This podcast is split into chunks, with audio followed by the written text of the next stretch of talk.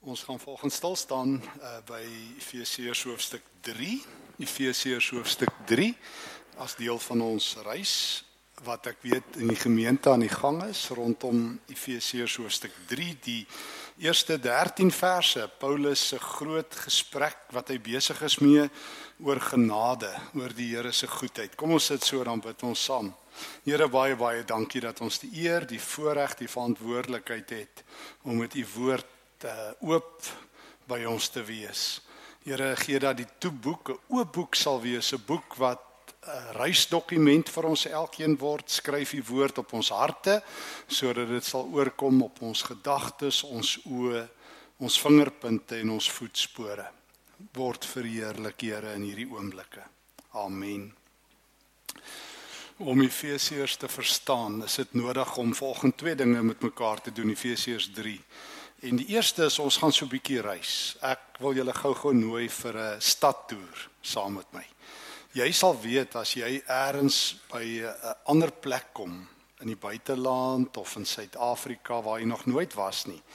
Dan is dit wonderlik om 'n gids te hê om jou net so 'n bietjie deur die stad te vat, om jou 'n bietjie touwys te maak. En ek het gedink om vanoggend gou vir 'n paar oomblikke en sommer so jy sal dit sommer so sien op die oorhoofse projektor wil ek graag jou nooi om saam met my so vir 'n oombliekie deur Efese te stap. Uh die Efese waar Paulus was in die eerste eeu. Efese, want dis belangrik, dan gaan ons iets verstaan van wat Paulus daar wil doen. Efese was een van die wêreld se drie grootste stede. Soos jy daai prentjie sien, dis 'n voorstelling van hoe Efese was in die eerste eeu. Stel jou net voor daar's daar waar jy groen gras sien is der duisende huise ook ingebou. Dis al wat hulle nie daar op die prentjie ingesit het nie, maar dis 'n voorstelling. Efese lê hier teen die see. Uh vandag het dit al toegesluk. Vandag is Efese so 6-7 km weg van die see af, so saai alles daai riviere alles dit toegesluk het. Maar Efese is 'n belangrike hawe stad, een van die drie grootste stede. Dis die juweel van Klein-Asië, baie baie ryk stad. Ons weet dat die uh inkomste van die stad hoog was tot vandag as mens daar loop kan jy die marmerstrate sien waarvan Efese gemaak is of uh, gebou was. Ons sien in ons volgende uh prentjie hoekom het een van die redes hoekom Efese wêreldberoemd was, was die groot tempel wat daar was. Naamlik die tempel van Diana Artemis. Jy onthou jou uh, dat daar dat daar so uh, in die antieke wêreld hierdie sewe wonders was. Ons ken dit tot vandag toe. So as jy nou ryk genoeg was in die eerste eeu, dan was dit op jou afmerklysie. Die Engelse praat van 'n bucket list om die sewe wonders van die antieke wêreld te sien. Die hangende tuine van Babylon, die ligtoring van Alexandrië, die die uh, piramides in in die Giza piramides in in in Kaïro, die uh, tempel van Halikarnassus, die tempel van Zeus in Pergamum en dan die tempel van Diana Artemis, een van die sewe wonders van die antieke wêreld gebou in die jaar 550 voor Christus. En ag daar's sommer nog 'n volgende prentjie wat jy kan kyk daarvan hoe hierdie tempel gelyk het. 'n Aangrypende plek. Almal wou dit sien. En ons is nou hier rondom die middel 50s van die eerste eeu. So vir 600 jaar staan daai tempel reeds daar as Paulus in Efese is. En ons lees in Handelinge 19 dat hy vir 2 en 'n half jaar in Efese werk. So dis die plek waar Paulus die langste preek. So almal sien daardie tempel en in ons Bybelblits sal ek so rukkie stil staan saam saam met jou rondom Handelinge 19 en wat oorgebly het vandag van daai tempel. Dis baie interessant. Soos wat Paulus in in hierdie stad rond beweeg het, was daar ook eh, 'n uh, groot ehm um, sien ons op ons volgende prent 'n groot amfitheater. Daar was tegnies twee teaters in Efese. En die heel grootte het so wat 25000 mense. Dit was waarskynlik die grootste teater in die hele antieke wêreld. En Paulus sou elke dag daar verby gestap het. En as jy al in Efese was, uh dan sal jy dit baie goed onthou want ons gaan sit vandag nog altyd as mens daar in Efese is gaan sit 'n mens uh, in daai amfitheater en hier's nog 'n kunstenaarsvoorstelling op die volgende een van hoe dit kon wees om daar te sit en jy kan so oor die see in die in die hawe uitkyk wat jou na die see toe vat daar agter. Dit was 'n reuse plek. Baie leeks, baie ryk. Daar het jy teater gaan kyk, toneelstukke gaan kyk, opvoerings en al die ander dinge. Efese was ook bekend vir sy tempels. Daar was baie godsdienste en ons sien op die volgende ene sien ons die die prentjie wat van 'n tempel wat gebou is ter ere van die Romeinse keiser Domitianus. Nou as jy kyk hoe klein is die mense en hoe groot is daai standbeeld. Vandag as mens nog in Efese se museum loop, dan sien jy so 'n gedeelte van daai reuse standbeeld van die Romeinse keiser Domitianus. Sy hand of stukkie van sy gesig ook wat jy nog kan sien. Dis na Paulus se tyd gebou, maar dit gee 'n idee van die omvang van Romeinse tempels hierheen om die keiser te eer. Daar was ook 'n tempel en dit sien ons net in 'n in hierdie bekende foto baie keer as mens as jy al daar geloop het sou jy hierdie gesien het die tempel vir die god Nike waar uh, Nike is die Griekse woord vir om te wen en julle almal of baie mense dra vandag Nike se embleme naamlik Nike. So sy is vandag nog 'n groot god in die wêreld, godin. Ehm um, jy sal weet. So dit is haar standbeeld daar, so Nike met die oorwinnings, die, dit beteken om te wen in Grieks. En uh, sy het groot aanhangers in Efese gehad. En terwyl ons so stap, kan ons miskien nog by gou so een plek te draai maak of twee Dis vandag nog daar te sien. Dit was nie op Paulus se tyd nie, maar dit is die biblioteek wat daar gebou is wat uh, toeriste vandag verskriklik baie afneem en dit raai maak dit staan nog steeds so die fasade met die drie ehm um, Griekse filosofiese uh, lesse wat in daai standbeelde vervat is. En miskien 'n laaste een en dan gaan ons by ons teks aansluit dan maak ek ons toer vanaand klaar en ons los tydens die Bybelblits verder reis. En dit is die uh prente dis sommer uit um, uit daar by Pompei.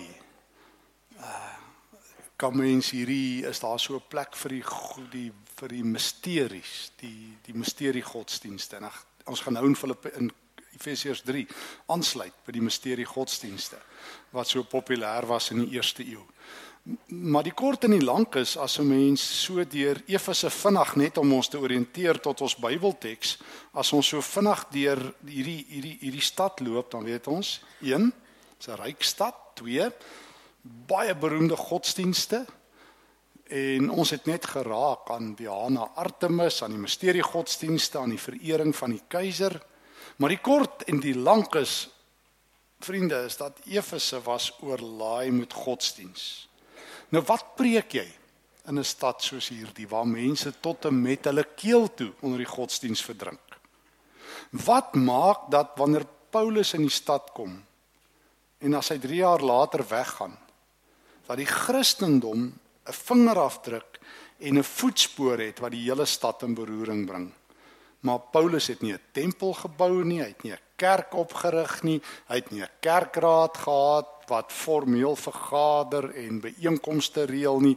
Hy het nie gepreek in daai reuse auditoriums nie. So wat het Paulus gedoen? Wel, ons sluit aan by hom. Kom ons lees net Efesiërs 3 vers 1 tot 13. Daarom bid ek vir julle wat nie Jode is nie. Ek Paulus, 'n gevangene deur my diens aan Christus Jesus. Julle het tog seker gehoor van die opdrag wat God in sy genade aan my gegee het in julle belang. Letterlik sê Paulus daar in die Grieks aan my bediening wat ek vir julle het, aan die boodskap wat ek vir julle moet oordra. Hy het sy geheimenis deur 'n openbaring aan my bekend gemaak. Nou, ons het nou nou gesien die die die die 'n sekere godsdiens wat in die hele Romeinse wêreld baie populêr was en ook in Efese was die sogenaamde misterie kultusse.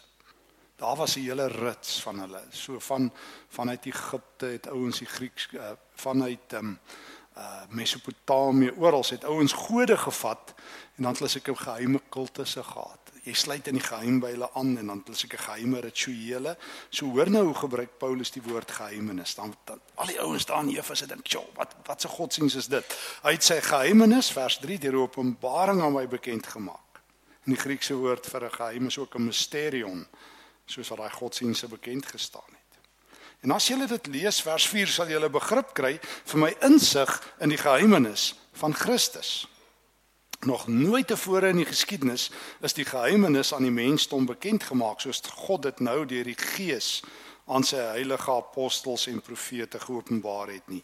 En dit is die geheimenis. So Paulus breek die geheim. Paulus ken die kode.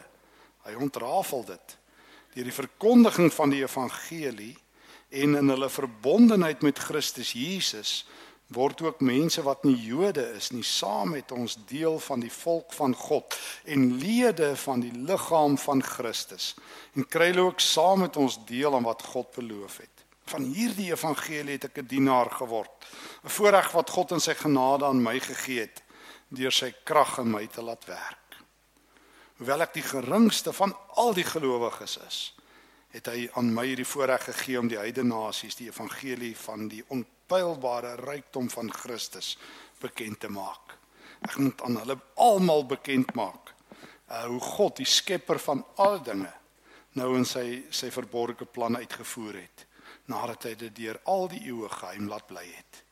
Maar nou is hierdie hierdie geheim uit. Uh, sê Paulus vers 10 Nou het God die ryke verskeidenheid van sy wysheid deur die kerk bekend laat word aan elke mag en gesag in hemelruim.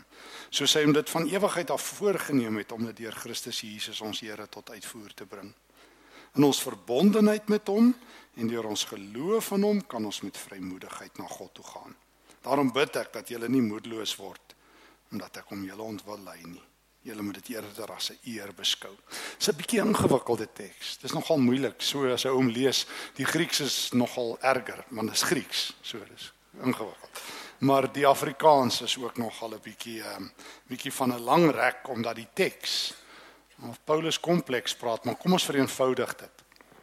Paulus gaan na die Efesiërs toe en sê ouens, weet julle hoekom gryp hierdie evangelie julle aan? Want ek het 'n geheim en ek kan die geheim met julle deel. Het iemand ook al vir jou gesê, ek het 'n geheim. Kan ek jou 'n geheim vertel, maar jy mag vir niemand vertel nie. 'n Geheim is altyd te veel vir een mens, te min vir twee en net reg vir drie.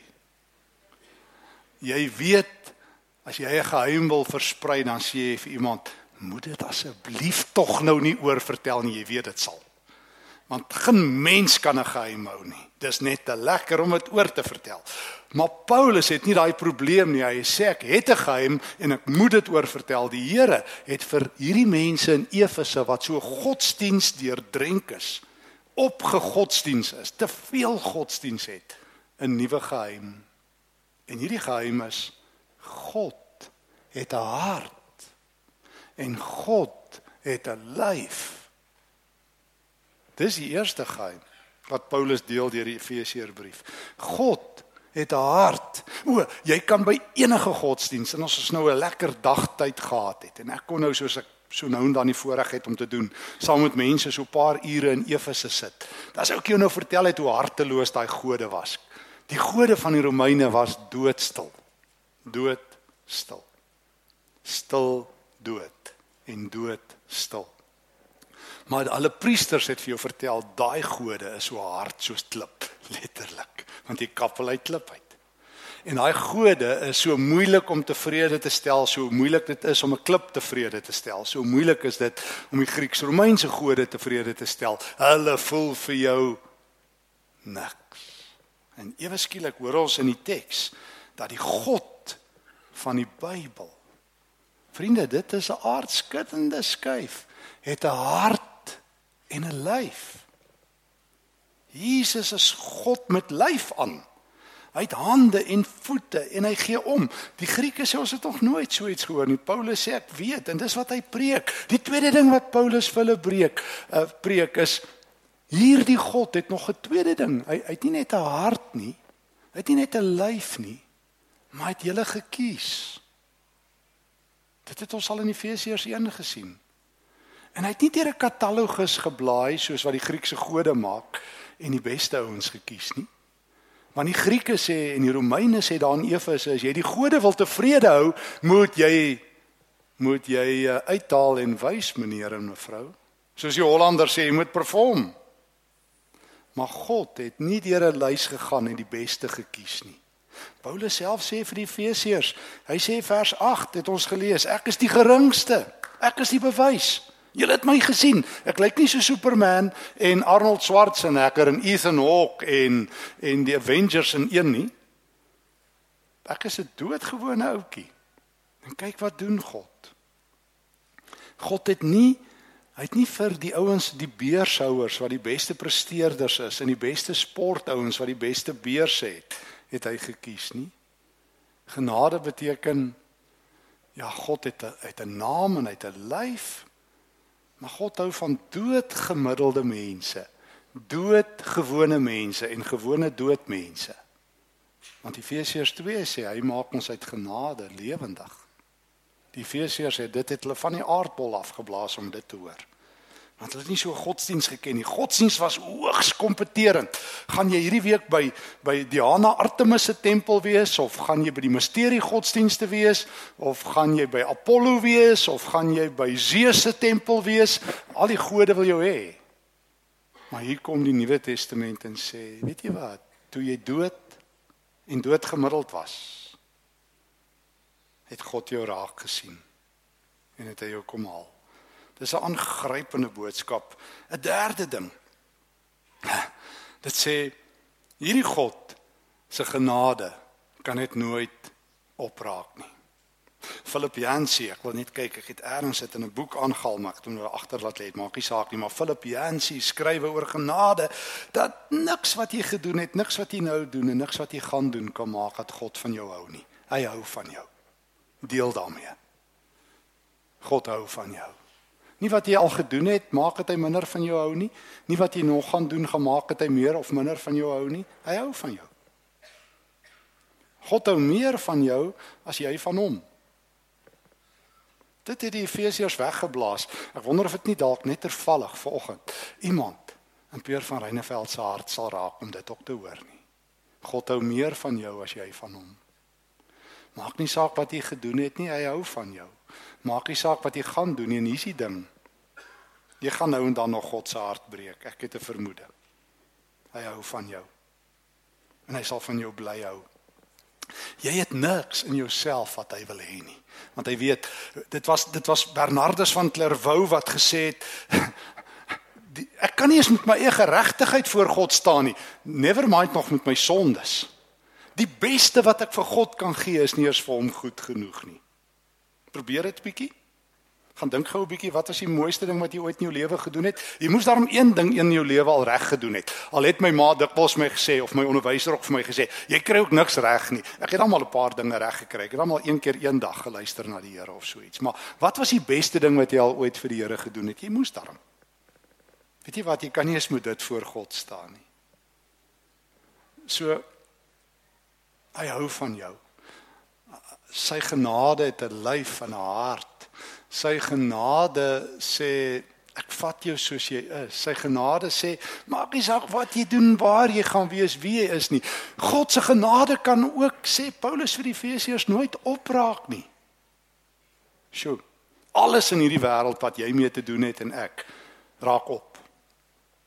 Jy kan jy kan 'n 10 liter water koop, maar jy gaan dit elders opgebruik. Jy kan 'n spens vol kos hê, maar as jy eet en ek dink ons moet, gaan jy deur daai kos elders eet. En dit raak op, maar dit gaan ook elders verval. Die lang raklewe melk het ook net 'n rakleeftyd. Dan het dit ook verval. Die blikkie kos wat jy koop kan ook net so lank hou en dan kom daai datumpie verval, sell by, use before ter sprake. Alles verval. Alles raak op. Genade is nie iets wat God het en dan sê God ek het nou ek is nou klaar met jou. Ek het jou nou genoeg kansse gegee soos ons met mekaar maak nie. Ons sê, hm, jy het jou kansse opgebruik. Ek weet ek het dit al vir mense gesê. Het jy dit ook al vir mense gesê? Jy het ehm um, jou Voyager myle nou klaar gebruik. Dit het nou verval. Ek het jou nou kans gegee, kans gegee. Hoeveel kansse wil jy hê? God is nie in die kans gee besigheid nie. Want kansse raak op. Jy kry soveel. God is die God van genade. Ag dit het die Efesiërs se harte laat smelt. Want hulle het gehoor by die gode het net een kans tipe van. In Suid-Afrika en die wêreld vertel vir jou het net een kans. Genade is nie een van God se maniere hoe na jou toe kom nie. Genade is nie kan ek dit so sê een van God se wapens nie. Dis al wapen wat hy het. Dis al wie God is. Efesiërs 2. Hy is ryk in genade, het ons 2 weke gelede vir mekaar gesê. En hy het ons innig lief. Dis nie een van die dinge wat God doen nie, dis al wat hy doen. Dis nie 'n stukkie van sy hart nie, dis al hart wat hy het. God het nie 'n ligkant en 'n donker kant en 'n middelkant nie. Um, en dan moet jy maar hoop wat hy is nie. Ek onthou as 'n jong ouetjie het ek in die kerk en ek wil dit sommer net sê die ouer persone sal dit onthou. Ek onthou my kinderdae het ons elke sonoggend as ons die wet gelees het, so snaakse liedjie gesing. Ehm um, dalk onthou jy dit, 'n ewig onbegryplik wese. En dit het my grensloos bang gemaak en later toe ek vir myself begin dink het, toe dink ek Wat? Is dit die beste wat ek nadat ek nou oor God se genade gesing het, dan kyk ek die Here so en sê ek Here, maar ek wil hom net van U sê, van U verstaan ek net mooi niks. Ewig onbegryplik. En niemand in die kerk het geprotesteer nie. Ons moes dit maar sluk. Moes maar vir die Here sê, maar ek daarom verstaan die ou dominee dit verstaan want sy preek was dan nou ook ewig onbegryplik. So ou dominee daarom op daai lyn aangegaan. Maar hy ten minste sê ek stem saam met jou, ek gaan nog so preek. Maar maar geliefdes, dis nie waar dat God ewig onbegryplik is nie. Wat waar is is dat hy ewig groter is, dat hy ewig liefdevoller is as wat ek verstaan, dat hy ewig meer genadig is as wat ek verstaan, dat hy ewig heiliger is wat ek verstaan, maar God is nie onverstaanbaar nie.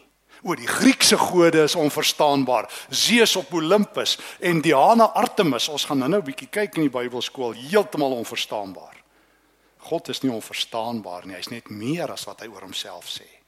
Hy's meer liefdevol, meer genadig, meer ontfermend as wat jy ooit kan verstaan, maar hy's nie anderster nie. Hy het nie donker kante nie. Hy het nie verrassings nie. O, die Katolieke glo dat jy moet 'n Katoliek word eintlik as jy daai liedjie sing, want hulle sê, "Oeg, ons hoop maar jy die genade sal jou deurtrek.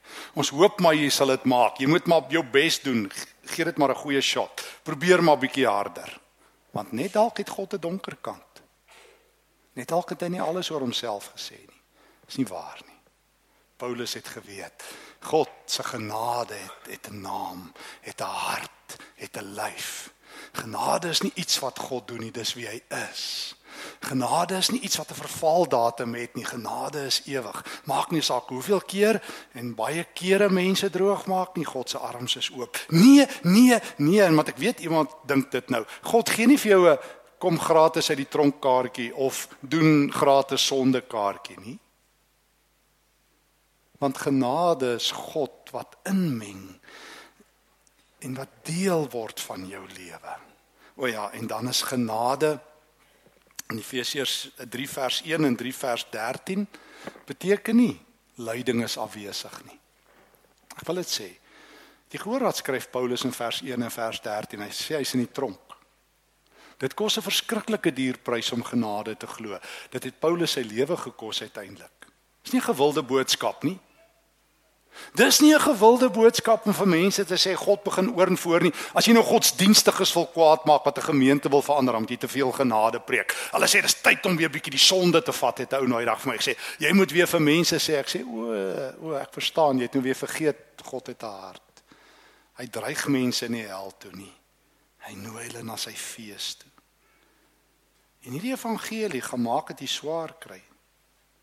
Jy gaan selfs in 'n tronk sit. Maar swaar kry is nie 'n bewys God is weg nie. Jo, en as daar iets is wat ons nou in Suid-Afrika moet leer, is dit dit. Hoor weer. Genade en swaar kry sluit mekaar nie uit nie. Hoe swaarder dit gaan, beteken dit nie God het jou vergeet en is minder genadig nie. Paulus sê ouens, ek ly vir hierdie evangelie in die tronk, hierdie misterie dat God van julle hou. Die godsdienstiges wil my stil maak. Dit steel al hulle kliënte, want ons dreig hulle met die hel dat hulle vir die gode geld gee. En ons dreig hulle met met goeders dat hulle God moet lief hê. Hulle wil nie hoor is verniet nie.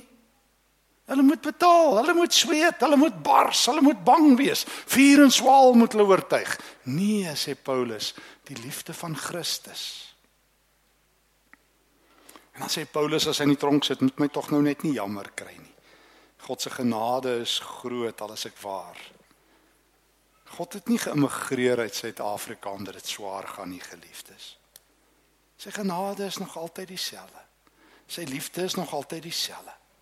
En daarom kan ek nog steeds altyd 'n ou liedjie sing oor God se genade. En nou wil ek afsluit.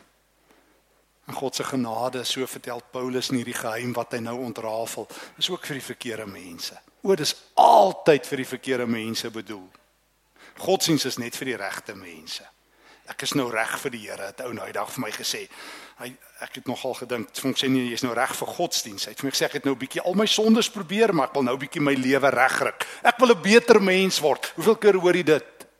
Ek wil nou 'n beter mens word. Kom sê, jy weet jy gradeer op na godsdiens, word 'n boeddhis, dan kan jy 'n beter mens word. Gaan ehm um, gaan sit by een of ander godsdiens waar hulle vir jou Voyager myle gee en jou beloon. Gaan word 'n fariseer, gaan word 'n Jood. Dis kom so baie ouens nou deesdae hierdie Joodse godsdiens aanhang, het jy gesien? Kom baie mense want jy kan nie genade glo nie. Wil hom nou weer shofars blaas en trompette en vir Jesus Joshua sê en dan het jy nou blykbaar dieper gebid, ek weet nie. So word jy Jood as jy God wil beïndruk. Word 'n Boeddhis, dan kyk jy ten minste en of word 'n Mohammedaan. Dan kan jy God tevrede probeer stel deur jou lewe. Maar God soek jou nie om jy oulik is nie. Hy wil ook nie hy sit jou nie in 'n opgraderingsprogram. Jy jy vlieg nou ekonomiese klas, maar effe daag in jou besigheidsklas Christen wees of iets nie. Hy hou van jou soos jy is. En hy hou van die verkeerde mense. En weet jy wat, as jy dit verstaan, dan kan jy dit ook doen. As God van die van die kerk sou, soos ek sê, dan kan jy ook. Hy hou nie net van die kerks nie. En as God hou van mense wat anders te lyk en ryk en glo en lewe as jy, want dis hoe hy hulle red. Romeine 5 vers 8. Christus het ons gesterf toe ons nog wat was? Goeie mense? Nee nee, sondaars. Dan kan ons ook. En raai wat? Dis al wat Paulus gepreek het. Hy het nie daar ingestap en gesê lucky packets en sweets volgende week vir al die kinders en vir die groot mense gehou ons 'n lekker partytjie elke aand nie. Paulus het nie 'n groot kerk gebou nie. Hy het net eenvoudig gesê, "Ouens, kom ek vertel julle van die God wat 'n lyf het en 'n hart, Jesus Christus." En hy hou van julle. Maak nie saak hoe ver julle val nie, hy sal julle kom haal. Maak nie saak hoe ver julle dwaal nie, hy sal julle kom soek. En hy nooi julle om by hom te wees. En hy hou van die verkeerde mense. As jy dood gemiddeld is, hy sal jou vat. As jy net dood is, hy sal jou vat. As jy gemiddeld is, hy sal jou vat. As jy bo gemiddeld is, hy sal jou vat. Hy het jou lief. Dis die geheim. Die geheim is uit. Glo jy dit? Want dalk lyk dit vir my is dit nog 'n kerklike geheim vandag. As jy kyk hoe kerkmense lewe. Amen. Here baie dankie vir die woord en dankie dat u woord vol genade is. Meng dit asseblief diep in ons lewe in in hierdie harde lewe. Hierdie rowwe lewe. Meng u genade in groot mate in my lewe in. Dankie Jesus dat u my liefhet. Here, dankie dat u my liefhet en ek het niks vir u om terug te gee nie. Here, ek kan nie eens met my eie geregtigheid voor U staan nie. Dankie dat U my vat soos ek is. Dankie dat U dit ver oggend doen. En dankie dat dit my soveel vrede en soveel rus gee. Dankie Here dat U ook van ander mense hou van wie ek nie hou nie. Leer my U hart. Gee my U vrede in die naam van Christus. Amen.